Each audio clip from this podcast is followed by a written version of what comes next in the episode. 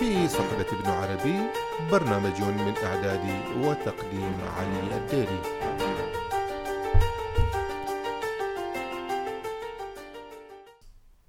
آه، مرحبا بكم في هذه الحلقة. نتحدث عن الإنسان والأسماء الإلهية. يتساءل ابن عربي ما صفة آدم؟ وما فطرة آدم؟ فجوابه كان أن صفة آدم هي الأسماء الإلهية. وأن فطرة آدم هي أيضا الأسماء الإلهية بمعنى أن الأسماء الإلهية هي التي تعطي لآدم صفته وهي التي تعطي لآدم فطرته. فإذا أردنا أن نعرف طبيعة طبيعة آدم هوية آدم يعني التي هي هوية الإنسان إذا أردنا أن نعرف فعلينا أن نعرف الأسماء الإلهية. ابن عربي كرس نظريته في وحدة الوجود للحديث عن هذه الفكرة عن الحديث عن الأسماء الإلهية. فالأسماء الإلهية بالنسبة إلى ابن عربي هي هوية الإنسان وهي هوية الإله. وهذه النقطة الخطيرة التي ستسبب حملة شعواء تكفيرية ضد ابن عربي. دعونا نشرح الفكرة أولا. كيف يتعرف الإله؟ كيف يعرف الله أو تعرف الألوهية نفسها إلى البشر؟ عبر الأسماء الإلهية. يعني نحن نعرف الله لأننا نعرف أسماءه الإلهية. لذلك جميع فرق المسلمين تذهب إلى أن هناك 99 اسم إلهي إلى الله وأن علينا أن نعرف الله ونعرف صفاته عبر هذه الأسماء الإلهية التي حدثتنا عنها النصوص الدينية القرآن والأحاديث النبوية. أسماء الرحمن الرحيم الرازق العليم الصاحب هذه تشكل الألوهية. والله خلق الإنسان وعلمه هذه الأسماء. هو علم آدم هذه الأسماء. فأصبح هذا التعليم الفطري يشكل هوية الإنسان وهوية آه، آدم وفطرته. والنقطة الخطيرة هنا أن هذه الأسماء هي أسماء الله وفي الوقت نفسه هي هوية الإنسان هل هذا يعني أن الإنسان هو الإله؟ هل يعني هذا أن هناك اتحاد بين الله وبين الإنسان؟ ابن عربي يقول لا أبدا لا لا يوجد لا يوجد أي اتحاد لا يوجد أي تطابق بين الله وبين الإنسان ولكن في الوقت نفسه ليس الإنسان كائنا آه، ملعونا. يعني ليس الإنسان مقذوفا من الغيب من غير أن يكون هو جزء من هذا الغيب. ليس الإنسان من غير هوية غيبية أو إلهية. يتحصل الإنسان على هويته على فطرته من هذه الأسماء فهو على صورة الله لأن الله يهبه هذه الأسماء ويهبه ووهبه هذه الفطرة التي من خلالها هو يعيش في الأرض. ولكن هل الإنسان يملك جميع هذه الأسماء ويملكها على نحو التطابق التام على نحو الكمال؟ لا. الإنسان يسعى للكمال عبر تمثل هذه الأسماء وجعلها جزءا من هويته. يعني الإنسان يسعى إلى أن يكتسب صفة الرحمة يسعى إلى أن يكتسب صفة العلم يسعى لأن يكتسب صفة الحياة يسعى إلى أن يكتسب صفة الصحبة لأنها كاملة في الألوهية ولكنها ناقصة فيه. من هنا يقول ابن عربي أن فطرة آدم هي هذه الأسماء. ويقول أيضا أن آدم يمثل كتاب الأسماء.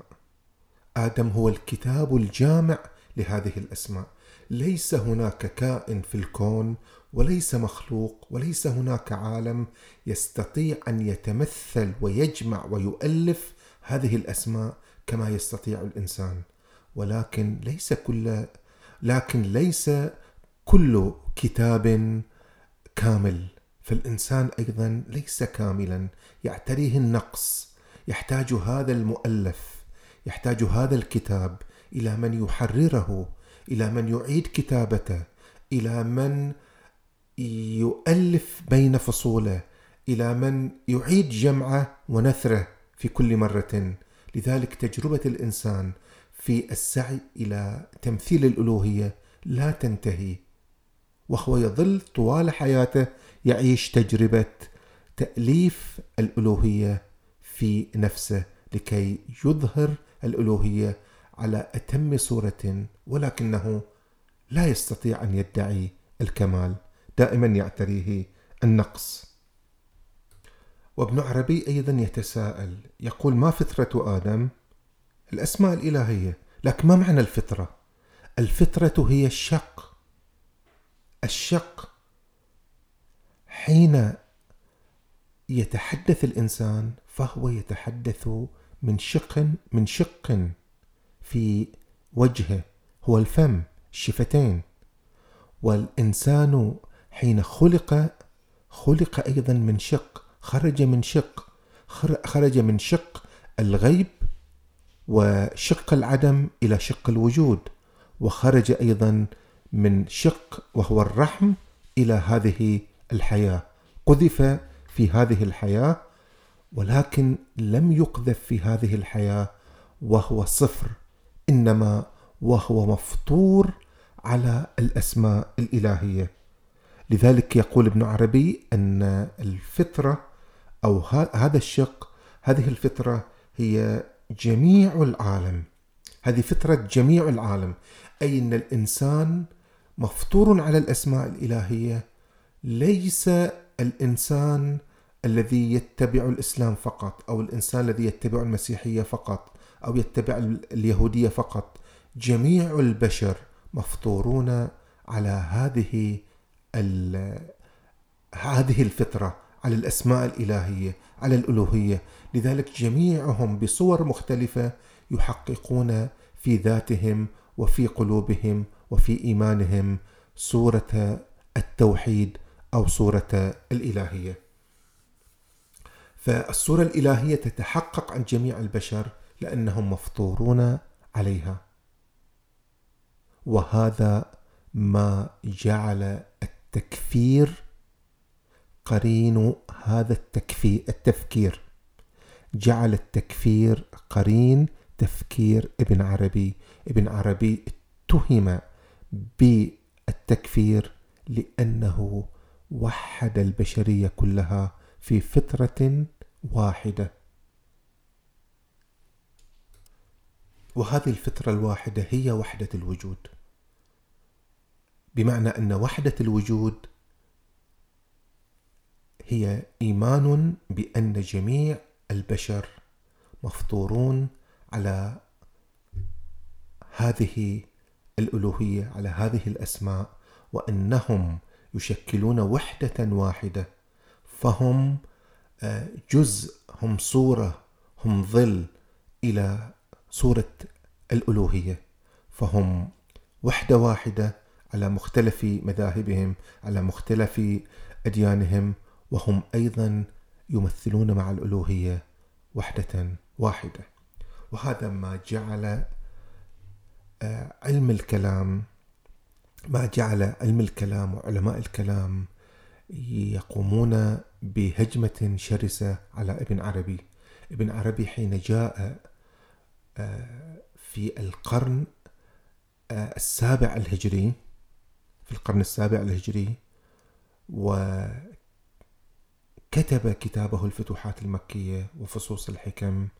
كان علم الكلام قد آه، تضخم تضخما كبيرا وأنا أستخدم هنا تضخم لأنه وصل إلى مرحلة التوحش.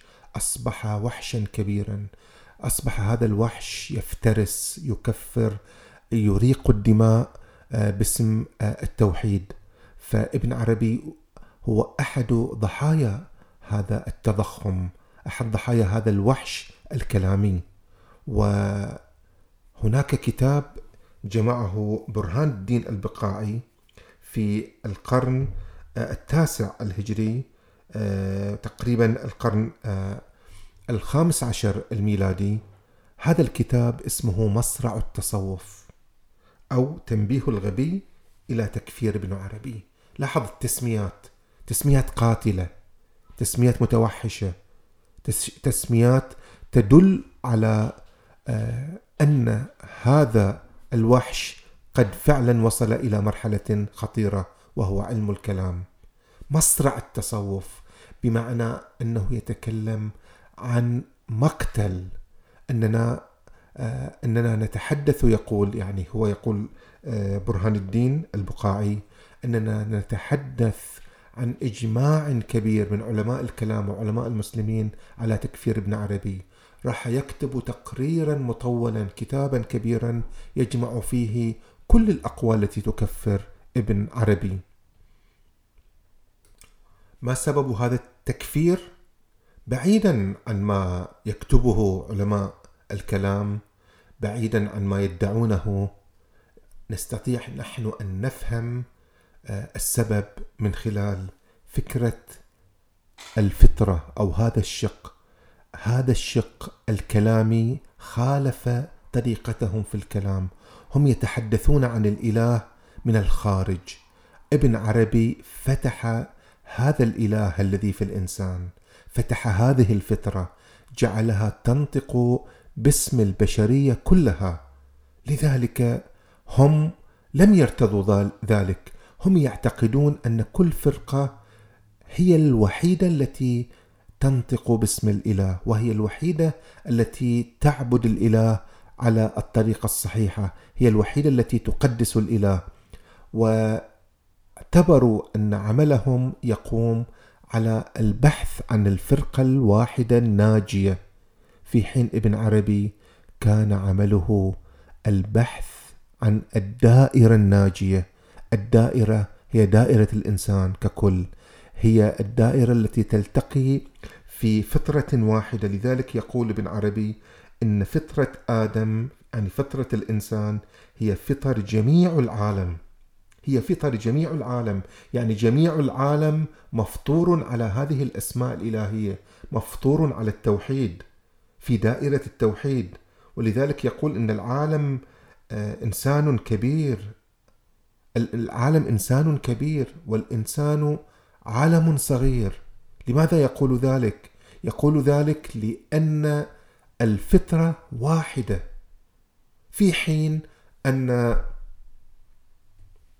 في حين أن علماء الكلام يقولون أن هناك فرقة واحدة وليس فطرة واحدة.